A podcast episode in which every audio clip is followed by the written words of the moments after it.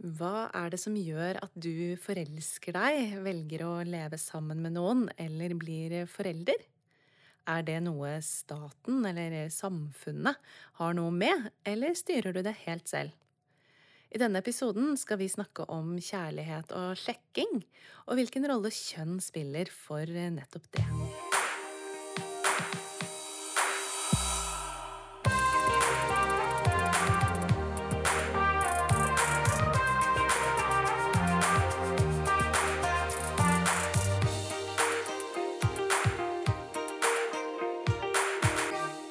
Hører på Kjønnsavdelingen, Kilden kjønnsforskning.no sin podkast, med meg, Mari Lilleslåtten.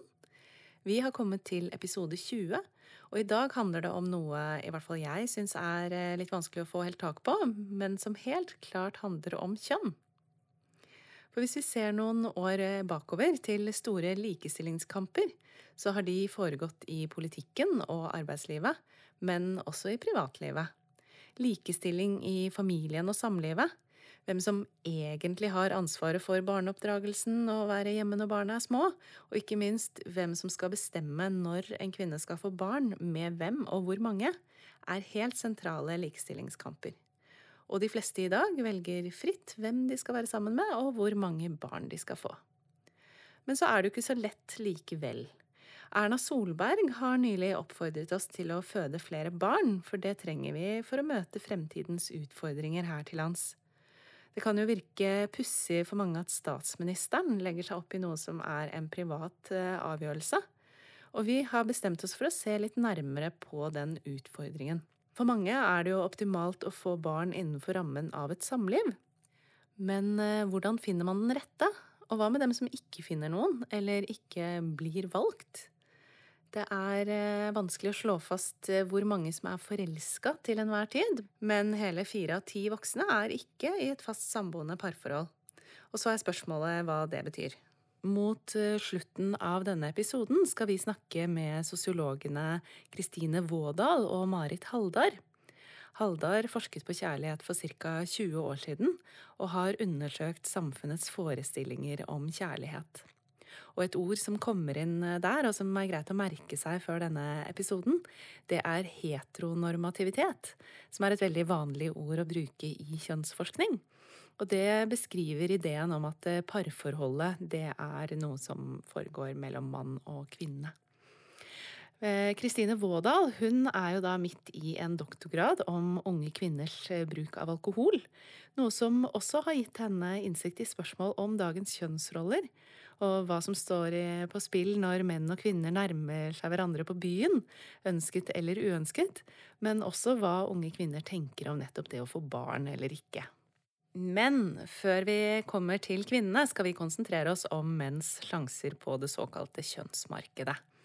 Ifølge Statistisk sentralbyrå så er det sånn at fire av ti menn på 45 år ikke har barn. Akkurat de tallene sier oss eh, lite om hvorvidt de vil ha barn, om de er i forhold, om de er hetero eller homofile, eller om de er ensomme. Men det er likevel mange som bekymrer seg for disse mennene. En som har engasjert seg i deres eh, skjebne, er psykolog Peder Kjøs, som vi skal høre fra om litt. Men aller først skal vi opp til Blindern og snakke med mannsforsker og professor ved Senter for tverrfaglig kjønnsforskning, Øystein Gullvåg Holter. For 40 eh, år siden forsket han på sjekkemarkedet i Oslo og studerte folk som prøvde å finne en som kunne passe for dem. Nå skal vi høre hva han fant den gang, hva som har forandret seg når det gjelder eh, sjekking og menns og kvinners handlingsrom og sjanser, og likestillingens rolle i det hele.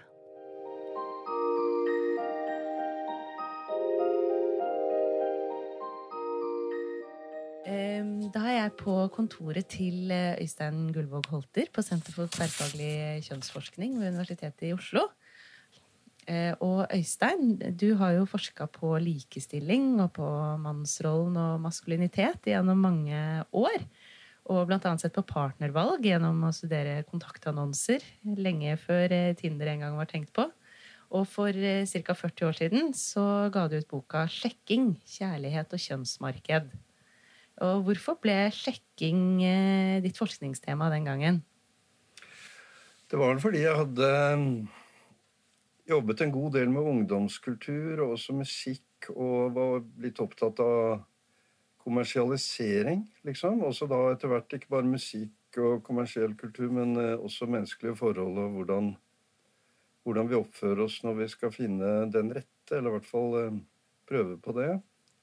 Eh, så ble jeg fascinert av det, og så traff jeg noen andre, noen psykologistudenter som var med på Så vi laget et slags team på tre og vandret rundt på ca. halvparten av de eh, sjekkestedene i gåseøyne som fantes i Oslo 1980, så det er virkelig lenge siden dette her. Eh, og dybdeintervjuet ca. 14 deltakere. Og det var utrolig interessant, overraskende, fascinerende og skremmende, vil jeg si. Mm. Skremmende hvorfor? Såpass mye ja, sosial nød, vil jeg si ikke greit å gå hjem uten å ha funnet noen om kvelden. Uten å, å våge seg over dansegulvet eller hva det er å være på en naturlig måte og få nei. Eh, ikke så kjekt. Og også de du trodde skulle være veldig vellykka. Ja, jo, jeg har jo klart det. Mye sånne ennatter jeg har fått til, men hva har jeg egentlig ut av Jeg føler meg tom, som en av de sjekkegutta sa, husker jeg. Så det var veldig kanskje annerledes enn vi hadde trodd i starten.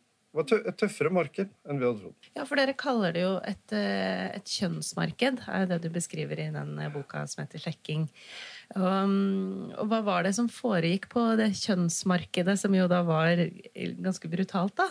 Hva slags varer var det som hadde høy verdi, og hvordan var kjøpekrafta? Altså, ja, noen har jo kalt det kjøttmarked, ikke sant? Og i forskningslitteratur så har det jo tradisjonelt blitt kalt ekteskapsmarked. Og jeg valgte og lanserte egentlig det begrepet kjønnsmarked fordi jeg mener at det er en hoveddimensjon i dette. er faktisk, Det er kjønnete valg hele tiden. Og det er to forskjellige mål på det kjønnete. I hvert fall den gangen var det veldig klart. ikke sant? Petronormativt eh, et mannlig mål og et kvinnelig mål. Og det er vel egentlig bekrefta også. Det er et stort spørsmål, Har det forandra seg veldig mye siden 1980, eller bare overflatisk? Er det mye av det samme i dag også? Og En av de tingene som går igjen, er at det er to forskjellige standarder. Gutta blir fortsatt vurdert på en noe annen måte enn jentene blir. Og utseendet er eh, fortsatt viktigere for jentene, for, eller i guttas vurdering av jentene, enn omvendt. Så satt litt på spissen, så er de to varene som bys fram Det ene kalte vi vel sosial kontroll, og det var en guttevare. Og det andre kalte vi penhet, og det var en jentevare. Satt veldig på spissen. Så vet jeg jo fra seinere studier at det jevnet seg noe ut. Det var sånn, I kontaktannonser så våget til og med kvinnene å begynne å spørre etter foto fra en mannlig potensiell mann.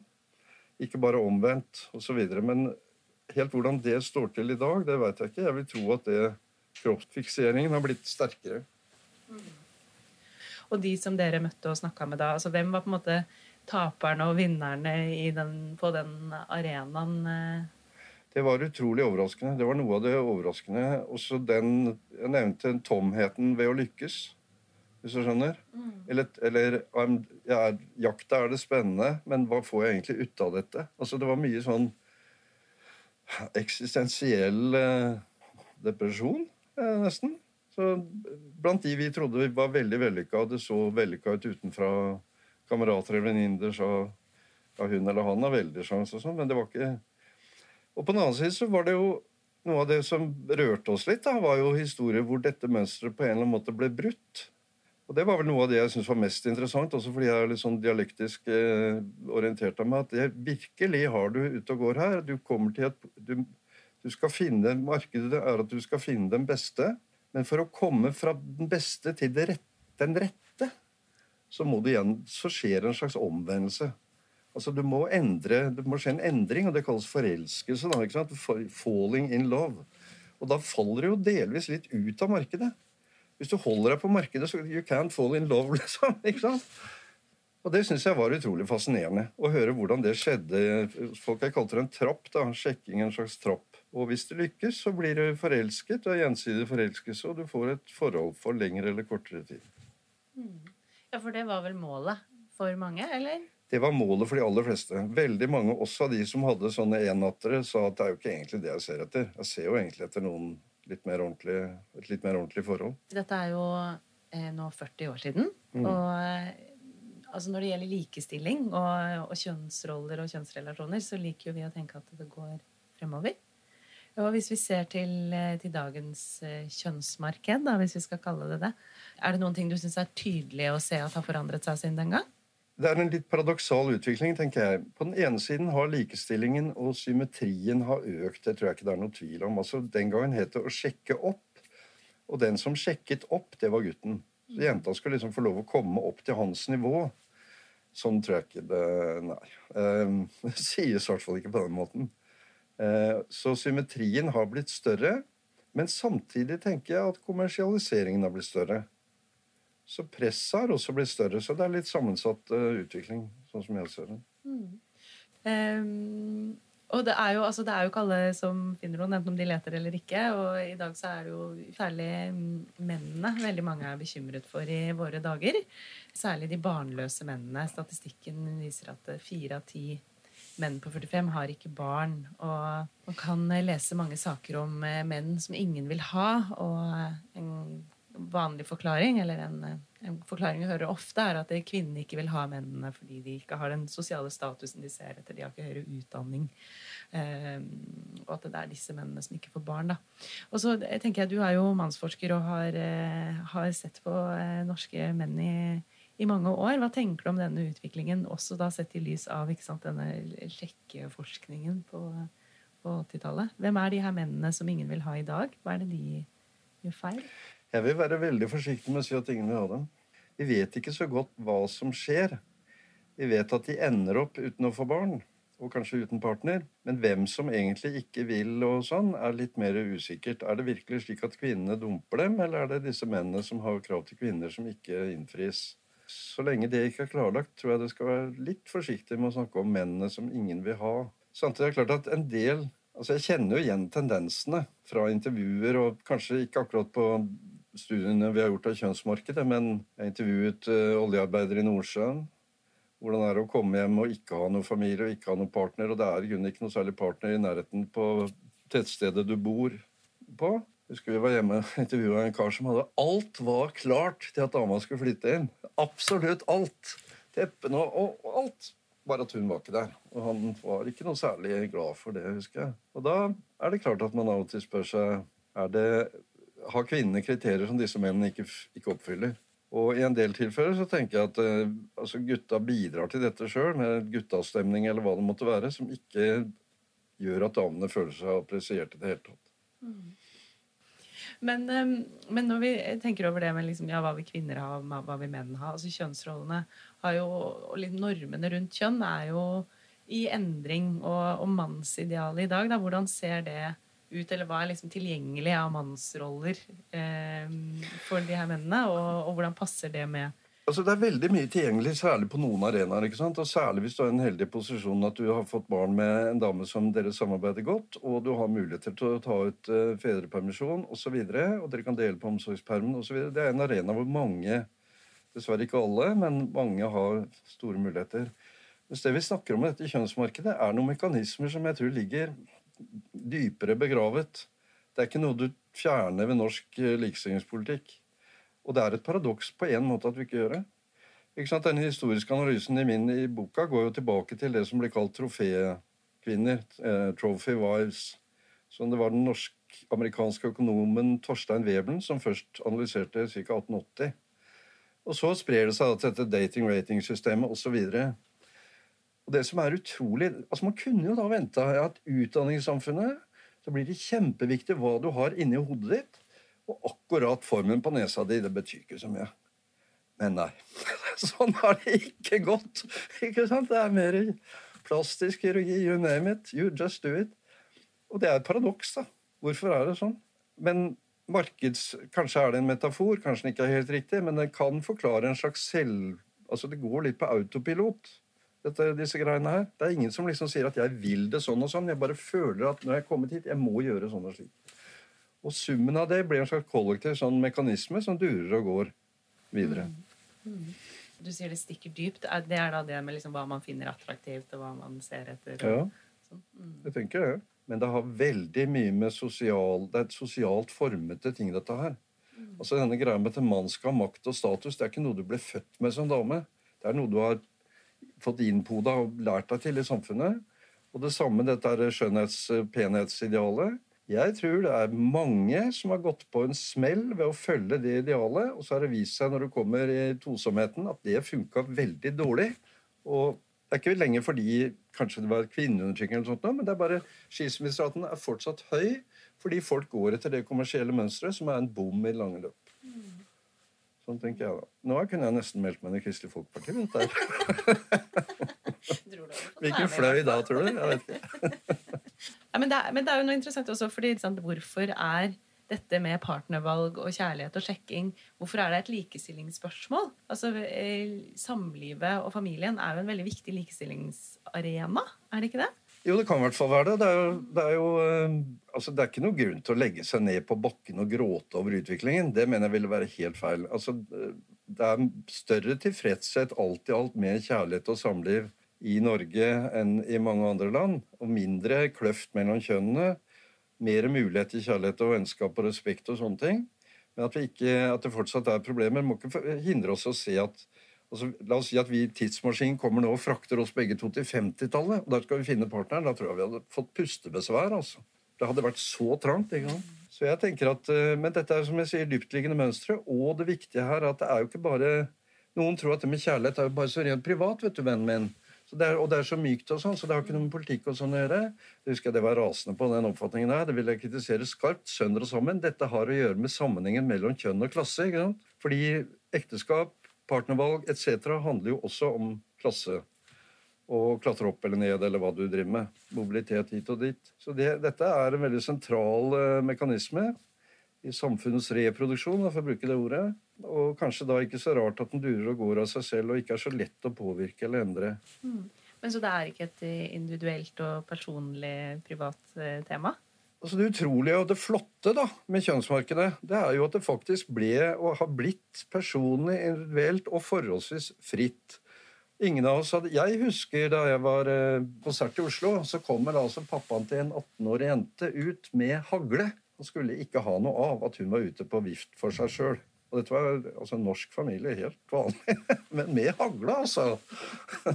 Man tenker deg 68 eller noe sånt. Slik at kjønnsmarkedet har betydd en stor frigjøring i forhold til fordommer og foreldres innblanding og etc. Så muligheten for å frie og individuelle valg er jo mye større. Samtidig har det kommet andre typer krefter som presser folk i ulike retninger. Men eh, hvis vi ser på likestillingsidealene om at, være, at menn og kvinner skal være likestilte og likeverdige, og idealene som svirrer rundt i samfunnet for eh, for kjærlighet og samliv og, og romantikk. Eh, hvordan passer de sammen? Det bytter jo av grunner jeg nettopp eh, nevnte. Mm. At eh, ok, vi har et noe mer kjønnslikestilt samfunn, men vi kan jo knapt si at vi er på vei til noe mer klasselikestilt samfunn. Tvert om, det er jo større ulikheter. Så det er klart at det er konflikter eh, på det området. Selv om som helhet, som jeg sier, så tror jeg vi skal være glad til at valgmuligheten i dag er, er, er større. Men det kan også være noe vanskeligere å, å å se på en måte de motkreftene som man står overfor. Mm. Uh, og det oppfattes Baksiden av medaljen er jo at det, alt blir jo bare min. Det er jo min feil. Dette her, Hvis det har gått feil, så er det min feil. Det er individualisme som rår. ikke sant? Uh, så da må jeg gå på slankekurs og må finne på et eller annet med meg. Den gangen så var vi litt sånn naive og skulle gjøre noe med systemet. ikke sant? Altså, Noen tror at dette er, nå er endelig naturen kommet til seg selv. ikke sant? Det er et vanlig argument. Uh, interessante er jo at i 30 år så ble likestilling beskyldt for at den skulle gjøre folk like. Og det ville være så forferdelig. Uff a meg, så like vi blir. Uten at det noen gang ble dokumentert at likestilte par følte seg truet av at de var blitt for like. Altså, Ikke noen hovedtrend. Jeg har ikke hørt hittil. Mens i dag da, så blir det gjort et problem hos noen at eh, nettopp pga. større likestilling, sies det, så kommer biologien mer fritt fram, slik at kjønnets reelle ulikhet får lov å manifestere seg bedre. Slik at da f.eks. hvis man kjøper lyserødt i småjentene og lyseblått i guttene, så er det på en måte biologien vår. Det er en hypotese jeg har liten tro på. Jeg tror det er sosialt press som ligger ganske kraftig. Og som på noen måter som jeg sier, kanskje har blitt sterkere fordi det er mer subtilt og ikke lenger er så veldig sånne autoritetspersoner eller foreldre eller slekta som sier at du må gjøre sånn og sånn. Det er sånn indre press. Så det er vanskelig å sette ord på og si helt hvor kommer dette fra. Mm.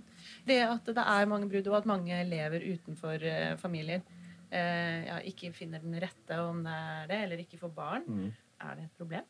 Det er jo ikke noe problem når folk ønsker det. Men, eh, og det er ikke noe som helst i min forskning eller fordi jeg har sett på heterosteder. Det er jo ikke fordi jeg bare er opptatt av at folk skal være hetero, f.eks. Det er jo ikke sånn det er. Og det, dette kjønnsmarkedet finner du andre former litt forskjellige steder. Men hvis du kom, begynner å få en situasjon hvor mange er aleine og ensomme og ikke syns det er så gjevt, eller går ut i nokså harde brudd eller skilsmisser som ikke var noe særlig nødvendig og ikke noe hyggelig, og går utover ungene osv., så, videre, så er jo det reelle problemet, tenker jeg.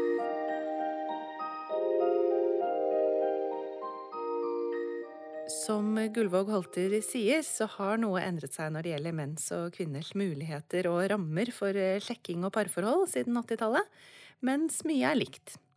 Arenaene har jo utvidet seg litt, fra kontaktannonser til nettdating og siden sjekkeapper. Samtidig er det som alltid noen som ikke finner den rette. Nå skal vi høre hva psykolog, forfatter og skribent Peder Kjøs tenker om det. Han har jo gitt råd om samliv og kjærlighet gjennom mange år, både i eh, media og i terapirommet, som han også har åpnet for publikum gjennom TV-serien eh, Meg mot meg og podkasten Hos Peder. Du hører på Kjønnsavdelingen. Hei, Peder Kjøs. Velkommen til Kjønnsavdelingen. Hei. Når eh, vi snakker om kjærlighet og samliv og sjekking, og kanskje også mangel på eh, de tingene, så er det jo veldig bra å ha en psykolog her som har mange års erfaring med å gi råd. Men eh, for å starte med et stort spørsmål. I og med at det virker som at mange ikke finner kjærligheten eller noen å være sammen med. Eh, Det er jo statistikk som viser at fire av ti voksne lever alene. Er det kjærlighet for alle? ja, det, tenker jeg jo at det er. um, Men par, kjærlighet og det å være glad i noen, og at noen er glad i deg, sånn, det er jo på en måte for alle det. Men parforhold er jo noe litt annet, ikke sant? Det er jo ikke alltid så enkelt å få til, da. Og i en sånn statistikk så tenker jeg vel at ofte statistikken vil kanskje se litt verre ut enn den er, fordi at folk er jo gjerne litt tid mellom forhold også, ikke sant. Så så det kommer litt an på akkurat når du blir spurt. Men det å være singel i liksom perioder av livet, det har vel blitt mer og mer vanlig, kanskje. Så, men det er også noen, for det er vel det vi liksom egentlig snakker om her, da, er jo de som kanskje ikke kommer seg inn i noe forhold noen gang, og som, eh, som blir gående aleine. Og det Jeg vet ikke om det er en større gruppe, men eh, det er vel en del ting som tyder på at det kanskje er det. Mm. Ja, fordi når det gjelder eh, det som vi kan se i satsingen, altså hvem som er i et familieforhold eller et parforhold, liksom, ja. Mm. så, så kan det jo se, se ut som at det er litt skjevt eh, fordelt. Fordi det er flere menn enn kvinner som er barnløse når de kommer til midten av 40-åra. Og det er det jo mange som er bekymra for, da. Men hvorfor er det sånn? Altså, hvem er de her som eh, får bli barnløse? Ja, og noe av det som er interessant her, er jo at det tallet øker. ikke sant? At tallet på barnløse kvinner øker lite, mens eh, antallet barnløse menn har eh, økt nokså mye. Det er jo interessant. Hva er det som skjer? For det er mange grunner til at folk er aleine, og jeg tror nok at en grunn som kanskje er i ferd med å bli viktigere, er det at det er en del menn som liksom faller litt utafor, som ikke blir valgt lenger. Da. At det skjer noe med damepopulasjonen som gjør at eh, det er en del menn som de rett og slett ikke velger. Det tror jeg er et reelt fenomen. At, eh, og jeg tror det bl.a. har med kvinners eh, inntreden i yrkesliv, og særlig i utdanning og sånt, da, å gjøre. For er, egentlig så er jo kvinner og menn veldig tradisjonelle når de ordner seg i par. Man kan si og mene mye forskjellig, men når det kommer til stykket, så blir det til at damer skaffer seg en mann som tjener mer enn dem, har en høyere sosial status enn dem og er fysisk høyere enn dem. Hver gang, liksom. Um, nesten uansett. Og uh, det er klart at når du begynner å få da stadig mer utdanna kvinner uh, med stadig større inntekt, som skal finne seg menn som tjener mer og har mer utdanning, så blir det etter hvert en del menn som uh, faller under streken. Som før, som før var helt gangbare, men som ikke er det lenger. Da burde de i hvert fall være høye, på en måte. Er det... ja. ja. Én av tre. ja. Men um, det er jo en del som kaller de her um, mennene som ingen vil ha. Men Mm. altså, er det, er det sånn? Og hvem, hvem Ja, er de? Det er uten utdanning. det er et Ja. eh, reelt fenomen. Og det er da menn som har lite utdannelse, lite inntekt, som bor uh, utafor byene. og som gjerne også har helseutfordringer. Og så det er i det hele tatt de som det, Jeg syns det er litt fælt å si, men det er litt de man skulle tro, på en måte. At uh, det er uh, en del menn som er ganske lette å plukke ut, da, som ikke er uh, førstevalget til disse damene med utdannelse. Mm. Og så er jo én ting er jo det å få barn, og så eh, er det jo mange andre mye annet som handler om kjærlighet og nærhet og å være interessert i hverandre. Og du har jo skrevet en bok som heter Berøring, hvor mm. du er innom mye av det som handler om nærhet, og behov for nærhet eh, til andre mennesker. Og her bruker du ordet seksuell kapital mm, ja. kjønnsmarkedet, som høres liksom brutalt og instrumentelt ut. Men ja, er det, det, er, det er feminist ord, da. Det er ja. ikke mitt. Det er ikke jeg som har funnet på det. Men jeg syns det er et godt begrep. Eh, mm. Fordi at det peker på noen ting som er litt stygt å si, men som er sant. Og det er en uh, viktig og riktig observasjon. da.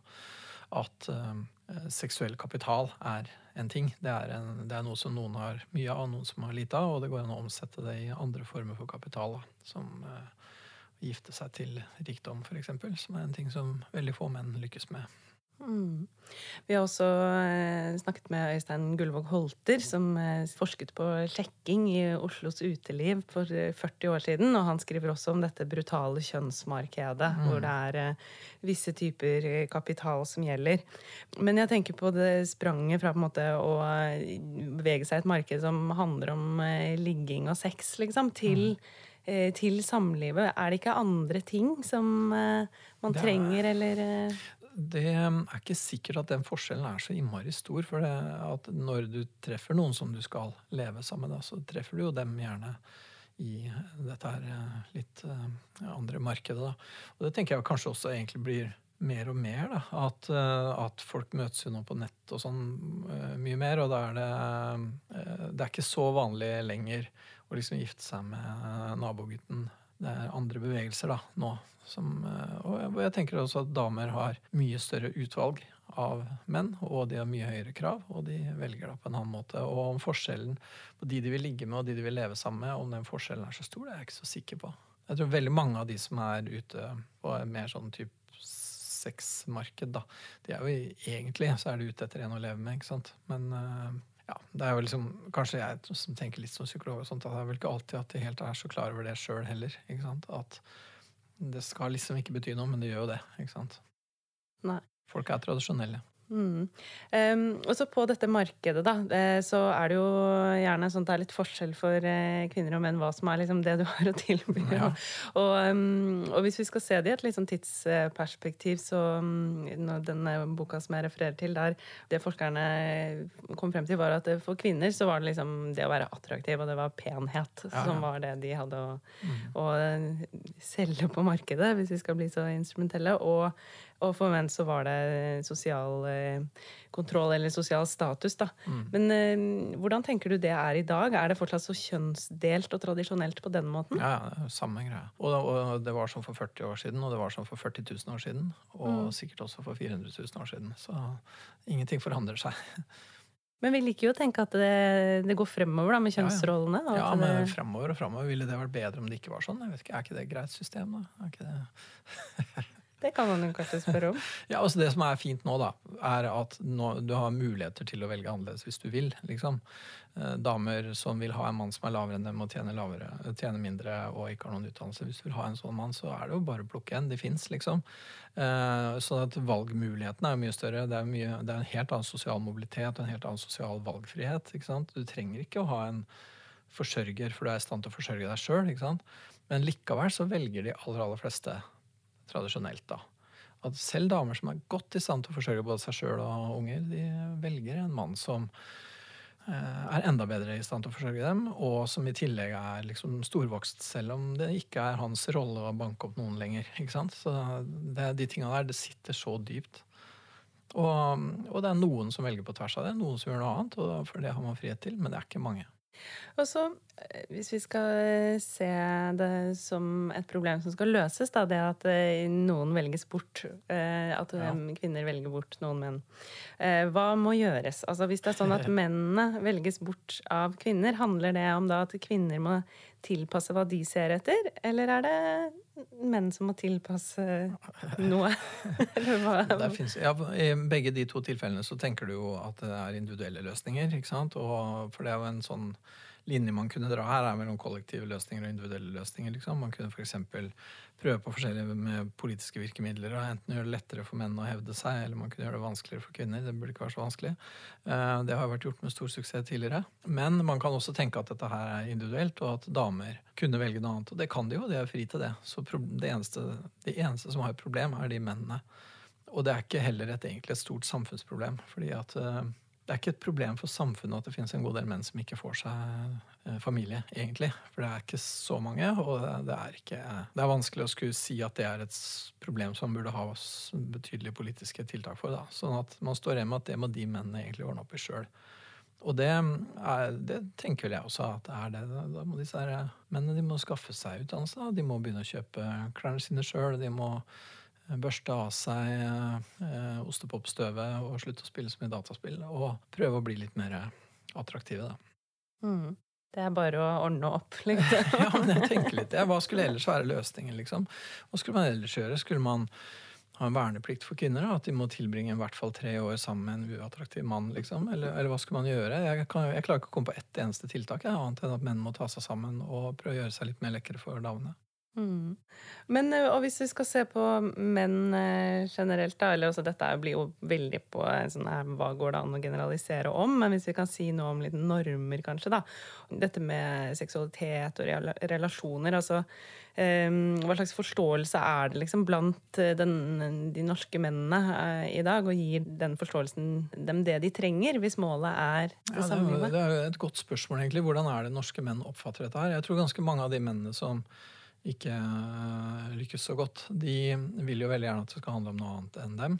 Så de eh, mener jo at det er noe feil med damene. ikke sant? At damene stiller for høye krav, eller at de damer er overfladiske og skal bare sitte inne i byen og drikke kaffe latte istedenfor å bli kona deres på den nedleggingstrua gården langt på Krål. Så blir de sure for det, og så skriver de sinte ting på Twitter. Og det er liksom ikke en strategi som kommer til å lykkes um, i noe særlig grad. Så jeg tenker at de mennene må oppfatte dette her annerledes. De må oppfatte det som sitt problem, og som de må gjøre noe med. Det, det sitter jo langt inne. Jeg skjønner jo det. For, for, en del menn sitter jo faktisk litt i eh, en knipe da, som ikke er så innmari lett å komme seg ut av. Og sånn som før, da, så var det eh, hvis du var ute og skulle ha deg en dame, og så var du odelsgutt, så var det en flott ting. ikke sant? Og nå så er det noe du ikke sier før på tredje date. Det er, det er omtrent Det er ikke noe eh, som er så mye å henge i henge på ultra, liksom. Og der har det jo skjedd en samfunnsendring som setter en del menn litt ufrivillig i en knipe. Men selv om den er ufrivillig og urettferdig, og sånn, så er det de sjøl som gjør noe med det. Det er ikke noen annen uh, løsning. Mm.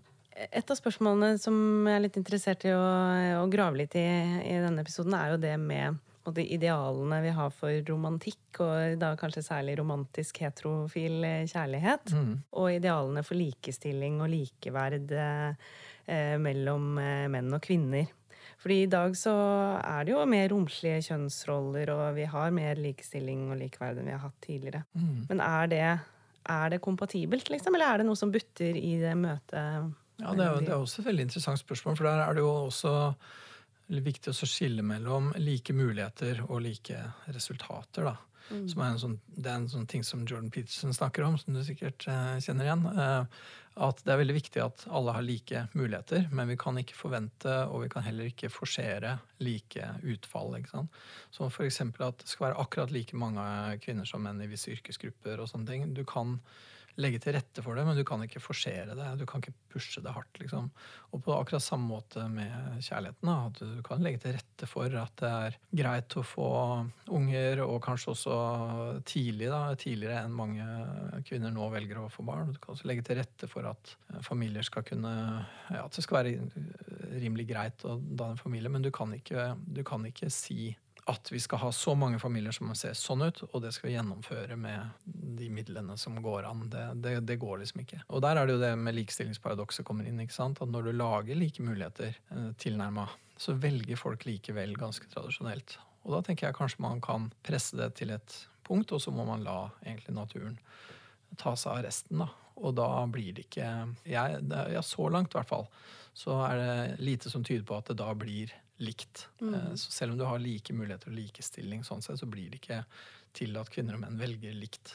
Og det tenker jeg det må vi bare leve med. Og det er ikke sikkert at det skal være et stort problem heller. eh, Så lenge, så lenge man har mulighetene, da. Mm.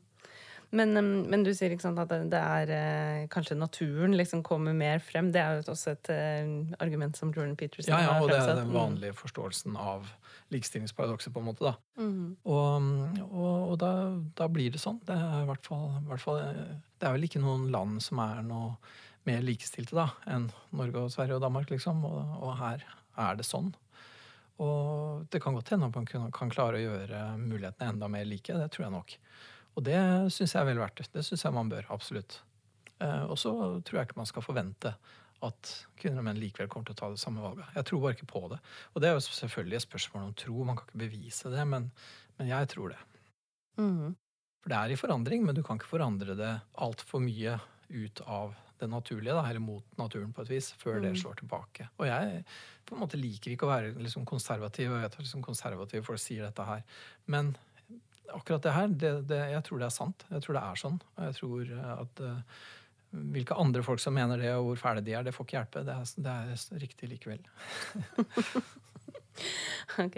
Um, men det tenker jeg jo, det er jo en sånn um, Eller deler av det du er innom, da er jo noe av det som av de litt forsmådde mennene gjerne brukes som sånn Det har gått litt for langt med sånn hvor, Mm. hvor, Hva skjedde med liksom urmannen og urkvinnen? Og at Ja. eh, ikke sant, likestillingen har gått for langt og sånn. Men er det sånn at Ja, og det skjønner jeg ikke hva man mener med. Jeg skjønner ikke, jeg skjønner ikke hva det betyr. at likestillingen går for langt. Nei. Kan det være sånn, eller kan det eh, oppfattes sånn, at, at kvinners frigjøring, da, seksuell og økonomisk, ikke sant, går på bekostning av menns frihet eller lykke eller eh, gode liv?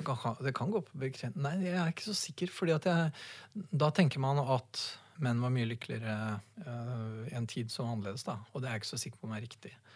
Jeg tror eh, de med tradisjonelle kjønnsrollene, hvis du tenker liksom på 50-tallet eller 60-tallet eller enda lenger tilbake, da, de var ikke nødvendigvis så innmari gode å være i de kjønnsrollene heller. Det var veldig mange menn som ikke passa inn i de kjønnsrollene, men som var litt fanga der, da, og måtte på en måte prøve å liksom spille den mannsrollen så godt de kunne. liksom og skjule for all verden at de eh, gråt en skvett eh, innimellom, eller at de var eh, glad i å ja, ja, du vet. Og tilsvarende for kvinner. Jeg tror veldig, veldig mange kvinner har mistrivdes sterkt med de tradisjonelle rollene, fordi at de var altfor snevre. ikke sant? Det er så mange flotte ingeniører og forfattere og malere og psykologer sikkert som har gått til spille ved å bli stående ved en kjøkkenbenk som et annet nek.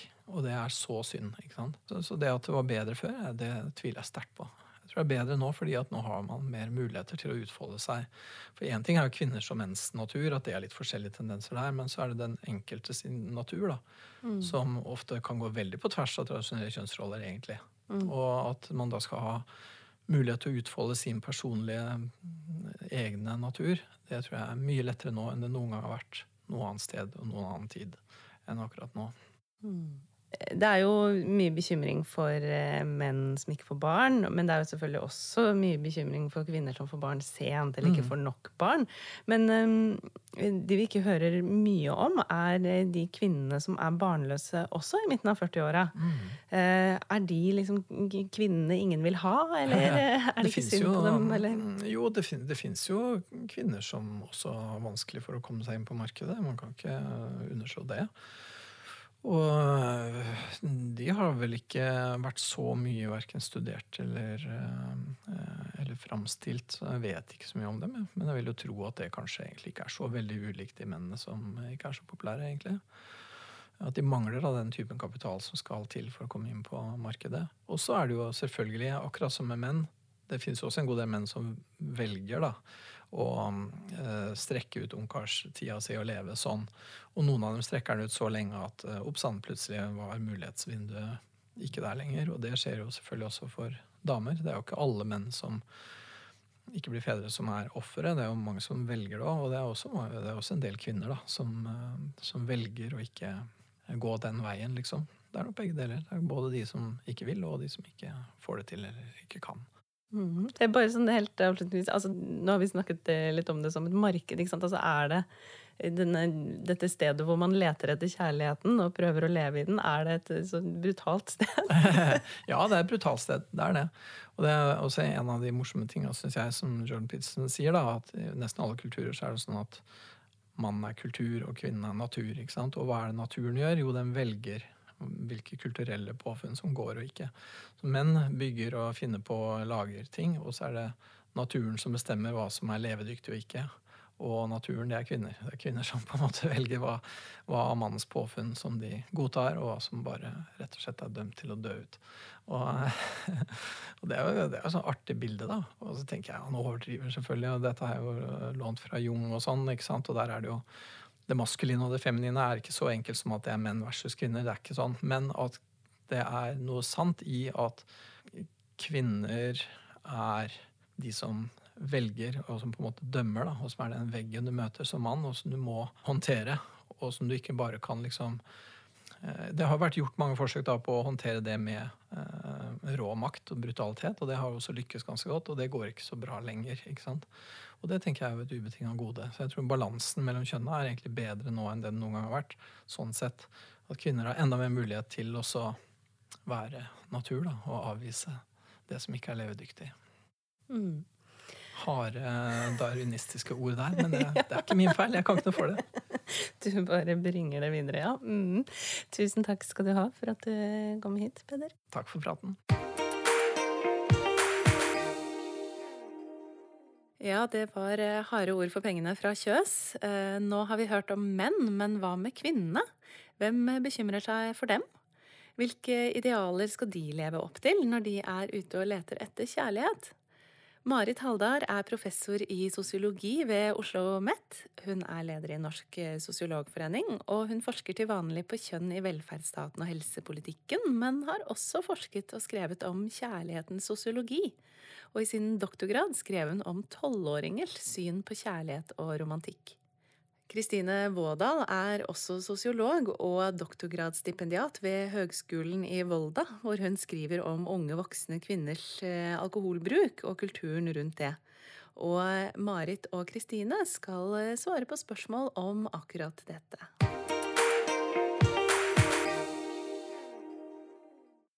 Nå er jeg veldig glad for å ha besøk av Kristine Vådal og Marit Haldar. Velkommen hit. Tusen takk. takk. Vi skal snakke om kjærlighet. Og jeg har besøk av to sosiologer, men da lurer jeg jo på litt hvordan jobber eh, dere to med dette temaet? Hvordan forsker dere og nærmer dere spørsmålene vi skal innom i dag? Kristine? Uh, ja, jeg har jo sett på idealer og forestillinger om menn og kvinner og forholdet mellom de i en veldig viktig arena, som er utelivet.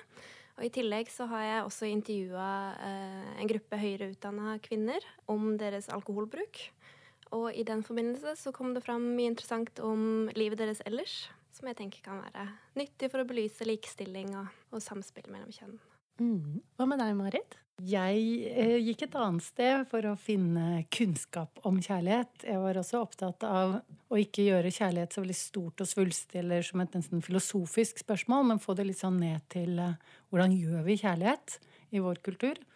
Og jeg valgte ikke å gå til utelivet, men jeg gikk til tolvåringer, eller barn. Og det var ikke fordi at jeg skulle liksom ha noe sant fra barn og fulle folk. Sånn I så fall har vi dekket ja, begge deler.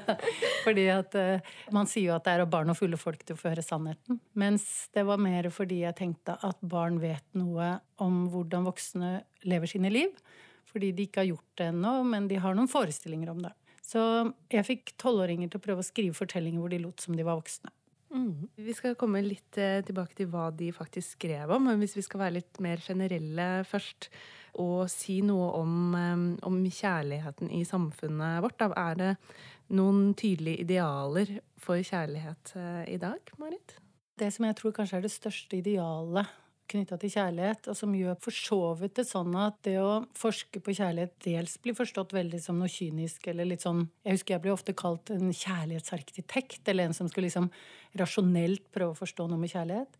Fordi den forstås som på en måte alles og ingens. Den er veldig unik. Så jeg tenker at kjønnsforskere og andre har også studert mye mer seksualitet, familieliv, kjønn og ulikheter. men det å liksom gå til verks på prøve å studere kjærlighet, så blir det enten altfor stort eller altfor intimt. Men jeg tror vel at det fortsatt, selv om jeg da jeg holdt på, så er det liksom i forrige årtusen. Altså jeg samlet inn data i 1996. Og at det har faktisk skjedd ganske mye på den tiden. Samtidig som jeg tror at idealene om kjærligheten likevel er ganske uberørt, så tror jeg det er ganske mange endringer likevel. Men jeg tror at kjærlighet likevel holdes litt sånn hellig og fast, og forstås kanskje litt sånn uforanderlig. Mye mer enn seksualitet, forhold mellom kjønn, likestilling, samliv. Sånne som er mange begreper som er rundt det samme. Mm.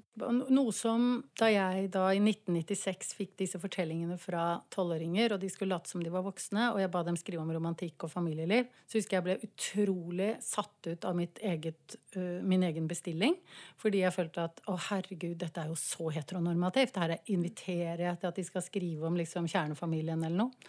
Og jeg gikk mange runder med det og syntes det var helt forferdelig at jeg har gjort det sånn. Og så fikk jeg likevel fortellinger hvor det var folk som utfordret den bestillingen jeg hadde, og at det var gutter som I hvert fall én gutt som skrev at, om at han var homofil. Han skrev om det å komme ut av skapet og sånn. Men den gangen så var det veldig mye mer spesielt enn i dag. Så det mener jeg har faktisk forandret seg ordentlig. Det å, å leve homofilt eller leve heterofilt på en måte, Å åpne opp disse tingene er blitt mye mye mer naturlig. Og det kan man virkelig, virkelig se på de, disse årene. Og da er det snakk om ca. 20 år, ja. Nå er veldig lite. Mm. Og det er jo tross alt ganske lite, tenker jeg. Og det skjedde noe liksom godt inn på 2000-tallet. Eh, men da jeg fikk materialet, så var det litt sånn grensesprengende på en måte, samtidig som vi snakket masse om det i forskningsmiljøene og sånn. Så, så var det liksom som en sånn fortelling så var det uh, mer spesielt enn jeg tenker det ville vært i dag. Mens det som jeg lurer på, er um, andre endringer. Og det er at det er knyttet så veldig mye til den individuelle friheten. Jeg har tenkt veldig på, før jeg kom hit i dag, at jeg tror det er ganske viktig å snakke om kjærligheten sammen med sånne andre store idealer i vår tid. Som f.eks. frihet, selvrealisering, lykke. To store spørsmål som nesten alle mennesker i vår tid stiller seg, og som jeg tror du ikke skal veldig langt tilbake, så stilte ikke folk seg spørsmål om de var lykkelige. Altså, de gikk ut og plukket poteter eller Det er ikke så mange generasjoner bakover ikke det var sånne Man stilte ikke sånne eksistensielle spørsmål to ganger om dagen, eller fikk høre om det på radioen, at det burde du stille deg, eller sånn. Så det tror jeg har også uh, forandret seg ganske mye når det gjelder det å være i verden, enten som kvinne eller mann. Det er at uh, det er så veldig opp til deg selv og ditt eget ansvar og dine egne muligheter om du klarer å gjøre dette livet spennende kjærlighetsfylt, lykkelig, mens du er her, på en måte. Ja, At du både skal klare å finne kjærligheten, men finne det på riktig måte som gjør at du også kan klare å tilfredsstille liksom alle de andre eksistensielle behovene. Mm. Mm. Jeg vil gjerne snakke litt mer om eh, forskningen du har gjort på utelivet. Et felt hvor det jo er mye både lykke og kjærlighet å finne, kan være, men mm. ikke bare. Og mm, eh, det kan jo nesten virke litt sånn eh, tullete, eller jeg vet ikke, eller bare det å, å forske på et felt hvor man går ut og har det morsomt. Men, men, du mener jo at du nettopp ser veldig mye spennende som har med disse spørsmålene her å gjøre. Hva er det som gjør utelivet til et så interessant forskningsfelt? Mm. Jeg synes det var interessant det du sa om at det er eh, noe man ser for seg at det er gøy. Og det er litt sånn ubetenksomt gøy, på en måte. Og det er vel kanskje akkurat det jeg ser på når jeg snakker med de kvinnene, at det er, det er ikke bare det, da. Det er, ganske, det er et ganske vanskelig rom å navigere. Der det gjelder egne regler. Det er mindre regulert enn andre steder, f.eks. arbeidslivet. Samtidig som utelivet er noe for seg selv. Det er liksom en sånn blanding av det her med at alkohol kommer inn i bildet og muliggjør andre ting. Det er liksom forventa at man skal overskride litt det man gjør i hverdagen. Uh, og det er også noe av det spennende ved det, det som gjør det tiltrekkende, da, utelivet, er at du har, har, muligheten til å gå ut av det vante. Men det er også noe av det som gjør det vanskelig. Fordi du har lov til å gjøre andre ting i utelivet, og reglene er uklare. Og det er kanskje spesielt kvinner det blir vanskelig for, eller i hvert fall uh, mange som opplever det som mer skummelt. Og det kommer på en måte inn det her med det å føle seg trygg også, i tillegg til det å på en måte forholde seg til et sjekkespill, på en måte. Mm. Noe av det du har sett eh, nærmere på, er jo nettopp det å få liksom uønska oppmerksomhet når man er ute. Noe som nå med metoo eh, i friskt minne mm. og levende, så vet vi jo at det er noe veldig mange opplever. Men var det et eh, stort tema i intervjuene med kvinnene som du snakket med? Nå var nok metoo den største liksom, fokuset på det her, var like etter at de intervjuene her ble gjort. Og det var jo mer, det var mer fokus på alkohol hele, gjennom hele livet, og så var utelivet en del av det her. Så det var ikke eksplisitt fokus på å egentlig høre om opplever du seksuell trakassering i utelivet. Det var mer noe som kom fram som en veldig viktig del av kvinners erfaring i utelivet og med alkohol. Og det var i de fleste intervjuene så var det som en tatt for gitt bakgrunn som man forholdt seg til. da nettopp det når du ser på hvordan de håndterer og også forklarer på en måte hva som foregår overfor deg. Da kommer jo noen tanker om kjønn veldig fort inn, og kjønnsroller og forventninger til hva, hva skal damer gjøre og hva skal menn gjøre. Hvordan håndterte de det? Det kom vel fram at det var flere forskjellige måter å se på samspillet mellom kjønn i utelivet, og det var flere forestillinger om hva kvinnerollen er og hva mannsrollen er. Og de, de var litt blanda i hverandre. Det var en veldig sånn tradisjonell forestilling om at kvinner er et naturlig offer i utelivet og må passe seg, som førte til sånn type handlinger som at de sa at de ville unngå farlige situasjoner, prøvde å liksom eskalere ned hvis de fikk uønska oppmerksomhet. Mens mannsrollen ble en slags eh, mulig overgriper eller også en mulig beskytter. Men i hvert fall en rolle med mye agency og makt. da. Men det var eh, den som kanskje var mest utbredt. Det var jo en som eh, fokuserte på menn og kvinner som likestilte. Det var mye henvisninger til hvordan Norge er et likestillingsland. Det var en veldig viktig del av hvordan de forholdt seg til det å møte uønska oppmerksomhet. Samtidig så var ikke det helt uproblematisk, det heller. Fordi det synes å medføre ganske stort ansvar hos kvinnene om å oppføre seg på en måte som var real. da, Og det å håndtere ting selv. Og nærmest forutse litt hva som kunne skje, da. Så i tillegg til det så var det en sånn forestilling om at kvinner også er i en særstilling i utelivet. At kvinner har en eller annen makt i kraft av å være et seksuelt objekt. da. Mens mennene var de som var uten makt, maktesløse i et sånt kjønnssjekkespill. Så, så de her går jo vidt forskjellige retninger. Jeg tenker at det er noe av det som skaper problemet og det vanskelige i utelivet, når sjekking møter de her forskjellige forestillingene om hva samspillet mellom kvinner og menn skal være. Mm, fordi en del av det du beskriver, er veldig sånn trøblete. Eh, altså at det enten er eh, ubehagelig eller skummelt og litt sånn ekkelt å måtte sette foten ned eller å avvise. da. Eller at det er, blir tydelig at eh, de her eh, stakkars mennene som er ute og sjekker, de må liksom jobbe veldig hardt og tåle masse avvisninger. Det er veldig sånn uharmonisk. Hvorfor blir det sånn?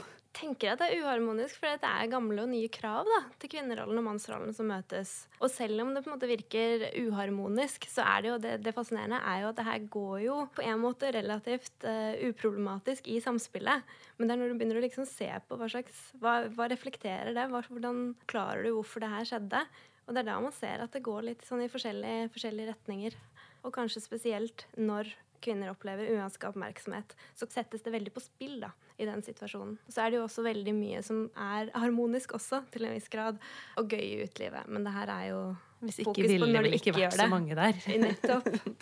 Eh, hva tenker du når du hører om dette, Marit? Mener du å huske, altså Da jeg skrev den doktorgraden uh, min Noen av de fortellingene fra tolvåringene de prøvde jeg å analysere som sånne romantiske plott. da, At jeg tenkte liksom det finnes måter og noen mekanismer som, eh, som, er en måte vi forstår hva som er romantisk, hva, hva som er sånn begjærskjærlighet.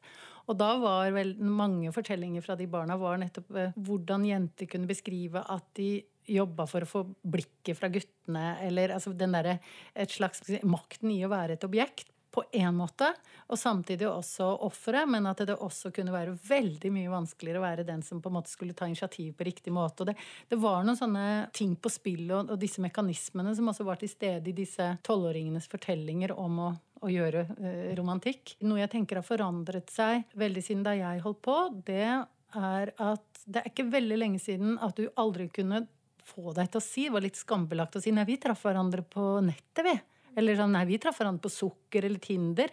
I dag er det liksom, mener jeg, veldig mye mer innafor å kunne si. Sånn, det jeg lurer på Før så var det liksom sånn du treffer folk på utelivet i Norge eller på fjellet. Mens jeg tror i dag så treffer du dem på Tinder og sukker også. Så at det er en sånn si, nærværsmetafysikk som ikke trenger å være der. Det er mulig å treffe hverandre mediert, da. Men samtidig så lurer jeg på om man også sorterer litt. At det er noe sånn kanskje at når du sitter og, og kan sortere disse menneskene som henvender seg, du ro og mak vurdere dem, så er det noe annet. Og så er man ute liksom i utelivet. Jeg tror, Dette er veldig synsing, men jeg lurer på om man på en måte kanskje ikke er der for å finne den rette. På samme måte som man kanskje før var sånn ja, men det er jo der, du, det er der folk treffer hverandre. På jobb, på utelivet eller på fjellet, da. Men at utelivet i dag er noe annet. At det er et sted hvor bare veldig mye Man er ute med, med en Ikke annen bare agenda. med ett mål for øyet. ikke- ja, liksom. ja, og jeg tror jo ikke, Man var jo ikke det før. Men det var på en måte det, det der Når man begynner å se strukturer, så er det jo litt sånn som sosiologer kan gjøre, og som folk ofte orker ikke å høre om. ikke sant? Det er noe sånn ja, man kan høre at I andre land så er det arrangerte ekteskap. De er jo så arrangert i Norge som det går an. Hvis man begynner å tenke hvilke mennesker som blir sammen. Mm. Det er sosial klasse her inne, det er eh, geografi, det er utdanning og profesjoner. Så liksom sånne banale fortellinger, men veldig sanne. Da leger treffer leger, for de studerer så mye og sitter så mye på lesesalen, og så skiller de seg, og så blir de sammen med sykepleiere etterpå.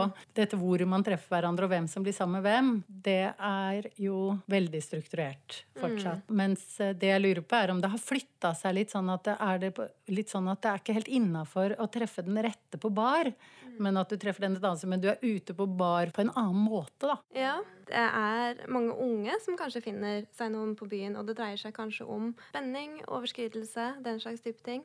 Mens de eh, kvinnene jeg intervjua som var litt eh, eldre, litt slutten av 20-åra, starten av 30-åra, de snakka Men sånn mer du finner, ikke, du finner ikke drømmemannen på byen, på en måte. Det er ikke det det, det, det dreier seg om.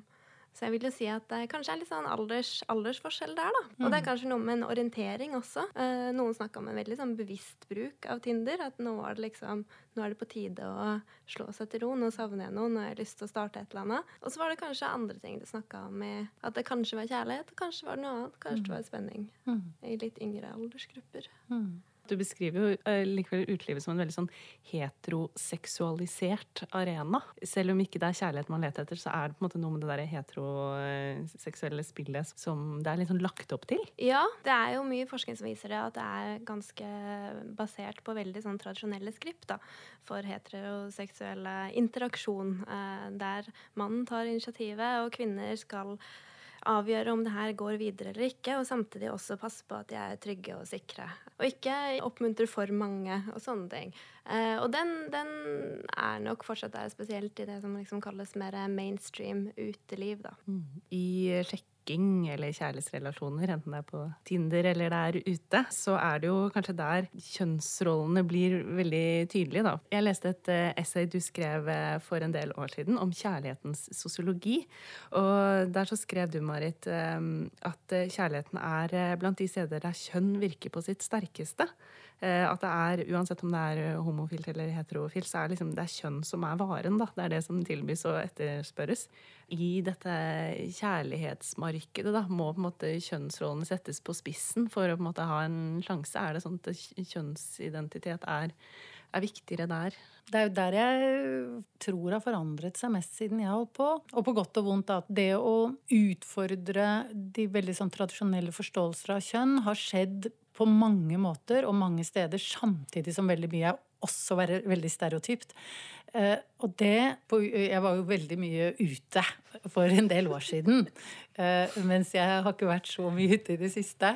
Sånn at det, det der å ha en sånn egen fornemmelse av hvordan Om det er et heteroseksuelt arena eller veldig mye sånn heteronormativitet der. Men at dine informanter forteller at det er sånn, da er det jo sikkert sånn. Samtidig som jeg tenker at det er flere og flere steder hvor, ja, hvor du kan vite mer at du kan treffe andre begjærsretninger, og det er innafor.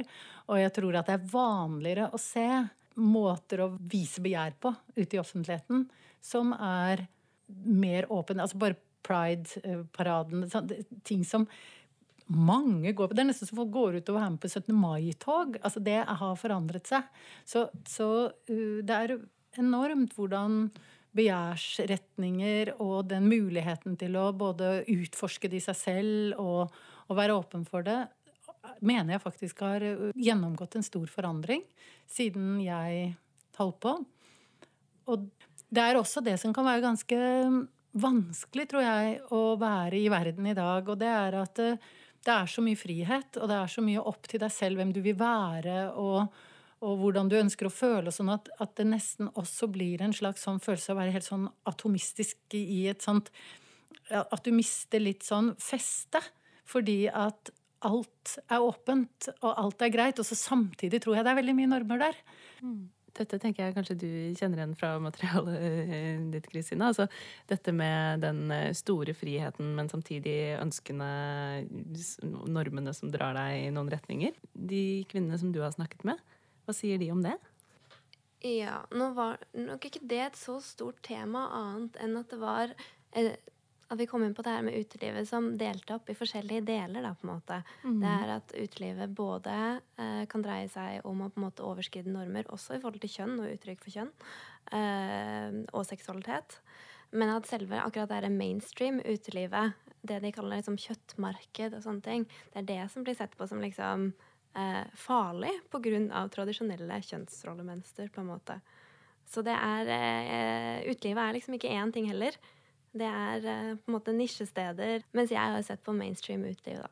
Mm. Og det, det, var ganske tradisjonelt. Ja. Hørtes det, ut som. ja. ja. Mm. Og det tror jeg jo altså sånn, på en måte er riktig òg, men at det, er mm. spennende at, det, at man har nisjesteder mm. og mainstream-steder. Bare det at man mm. snakker om det. Um, det er ikke sånn at jeg tenker at ikke det var tidligere, men jeg syns mm. det er likevel sånn det er artikulerte, vanlige ting man kan liksom, hva skal jeg si, klassifisere ut livet med. da. Mm. Eh, dere um, bruker ord som skript eller dramaturgi, og at det er, vi har noen sånn tilgjengelige roller å, å ty til som er veldig kjønna. da. Og, og, vi har snakket en del om endring. Men hvis du ser eh, enten til utelivet eller til, eh, til andre områder hvor, eh, hvor, man snakker om kjærlighet, eller kanskje kjærlighet blir litt, litt for abstrakt ord hvis vi snakker om kjønnsmarkedet. Eh, hvordan ser eh, den dramaturgien ut? Er det liksom én, eller er det, er det flere i dag? Altså jeg, tenkte, jeg valgte jo å lage sånne romantiske eh, plott, eller familieplott. Og det er jo litt sånn at man nesten kanskje kunne si at jeg liksom fikk fisken jeg hekta på kroken. Eller sånn at leter du etter narrativer, så finner du de òg. Men jeg tror likevel også at det er veldig sånn at um, at måter du forestiller deg romantikk og sånn, så har de noen sånne For så vidt noen skript. Som at, uh, at uh, hva skal jeg si, kjærlighet ved første blikk versus at den vokser fram som et lite bål som blir større og større.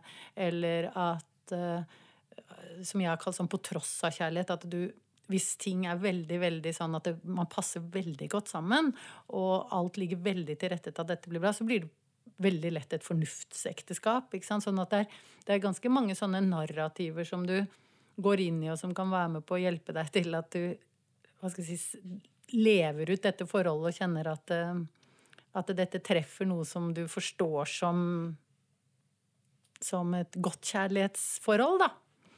Det tror jeg.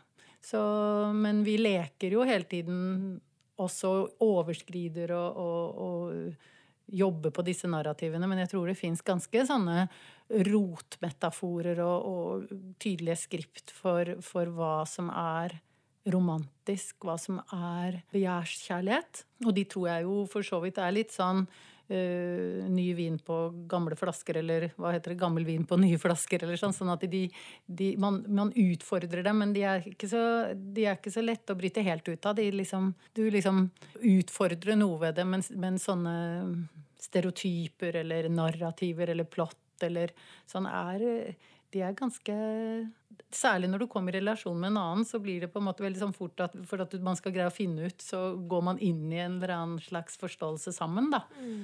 Um, så ja, jeg tror de virker, og jeg tror de er der. Ja, det er jo nettopp det med det at de er så veldig gjenkjennbare. Om det ikke er uh det er det at de, de, ligger der i kulturen rundt der som en veldig enkel måte å forstå nå, nå skjer det her, og så må du plotte det inn i et eller annet mønster for å gjøre liksom hvem, hvem er jeg i det her, og hvem er den andre? Og det er jo kanskje også litt det som skjer når uh, kvinner snakker om uønska oppmerksomhet. Sånn, hvem, hvem, er jeg i det her? Hva, hvor mye makt har jeg? Uh, hva kan jeg gjøre? Hva er det som er rett at jeg gjør? Uh, og hvem er på en måte mannen med stor M, liksom? Er det en overgriper? Er det en partner i likestillingen? er det en eller annen som ikke har noe makt, som prøver seg på deg. Så jeg tror det er, det er jo litt det samme som skjer i utelivet også. Da. Plasseres inn i, inn i roller, og, og, det har noe å si for hvordan man handler, eller hva som er liksom handlingsalternativene dine. Mm.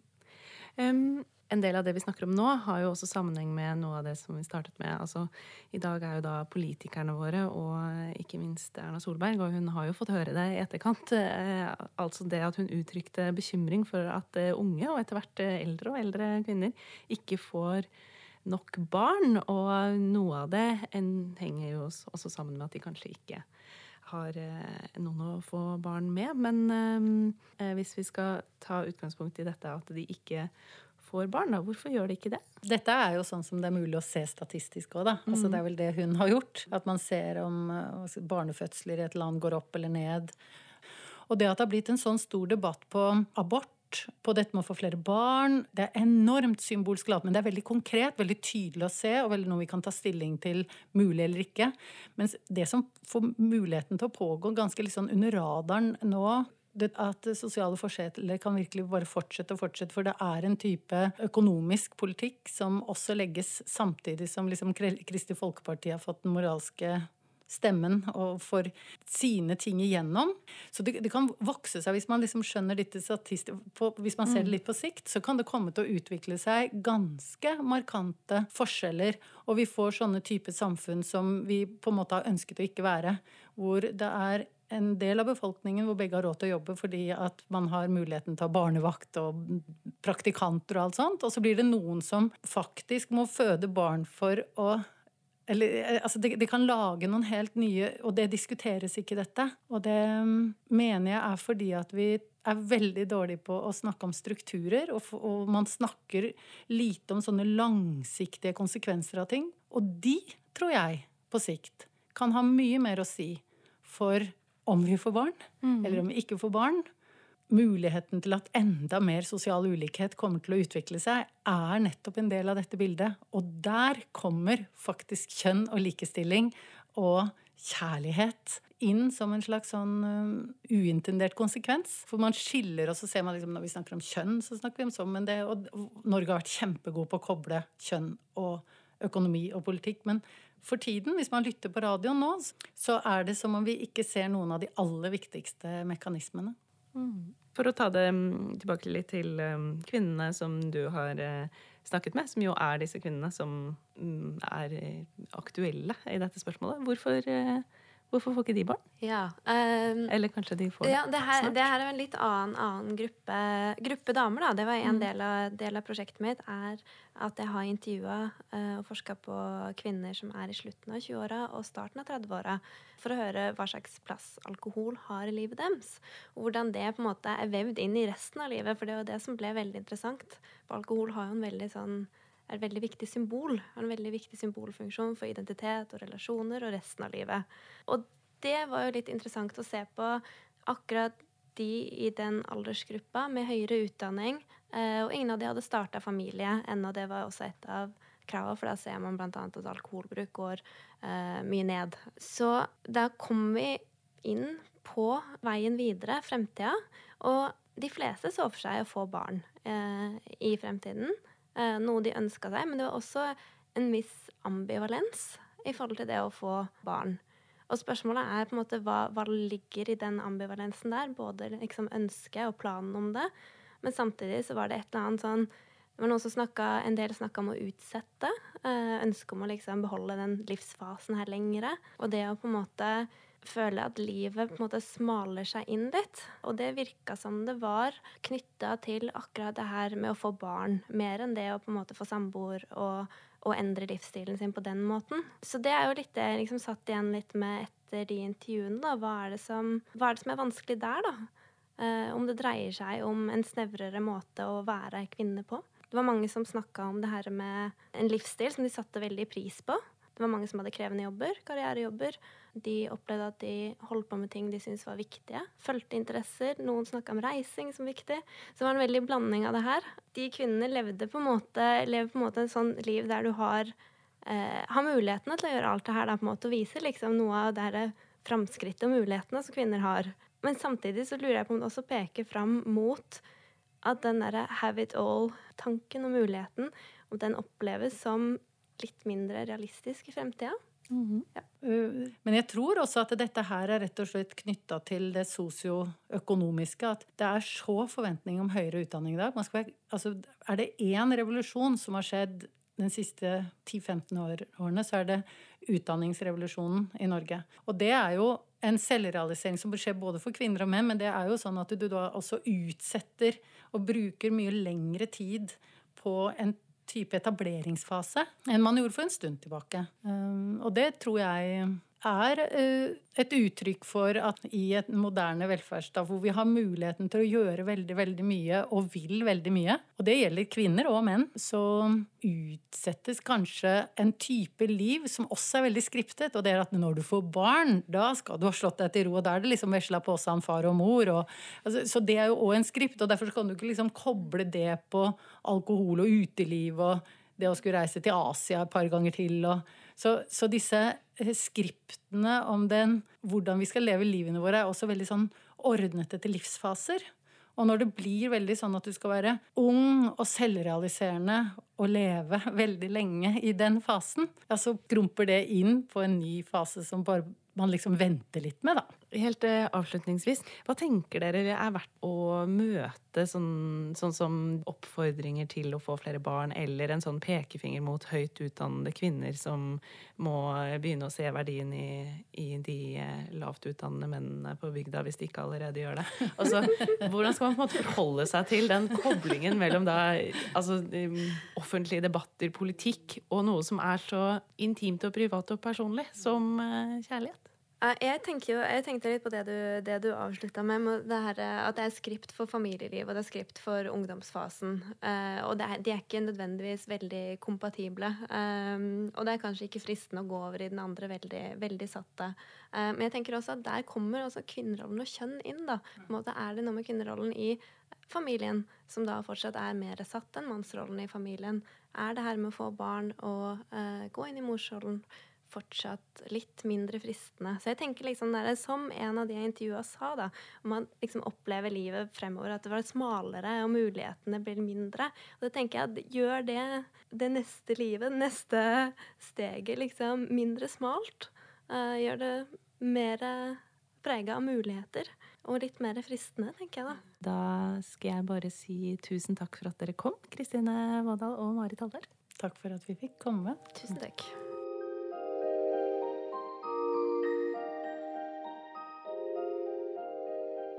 Hvis du fortsatt sitter og lurer på hvem som skal bestemme hvem som skal få barn når, eller hvem det er synd på og ikke i det brutale kjønnsmarkedet, så er det ikke sikkert du finner svarene på akkurat det hos eh, Kilden. Men hvis du vil lese om forskning på likestilling i samlivet, på familiepolitikk, fruktbarhetstall og samlivsstatistikken, så finner du interessant lesestoff på kjønnsforskning.no.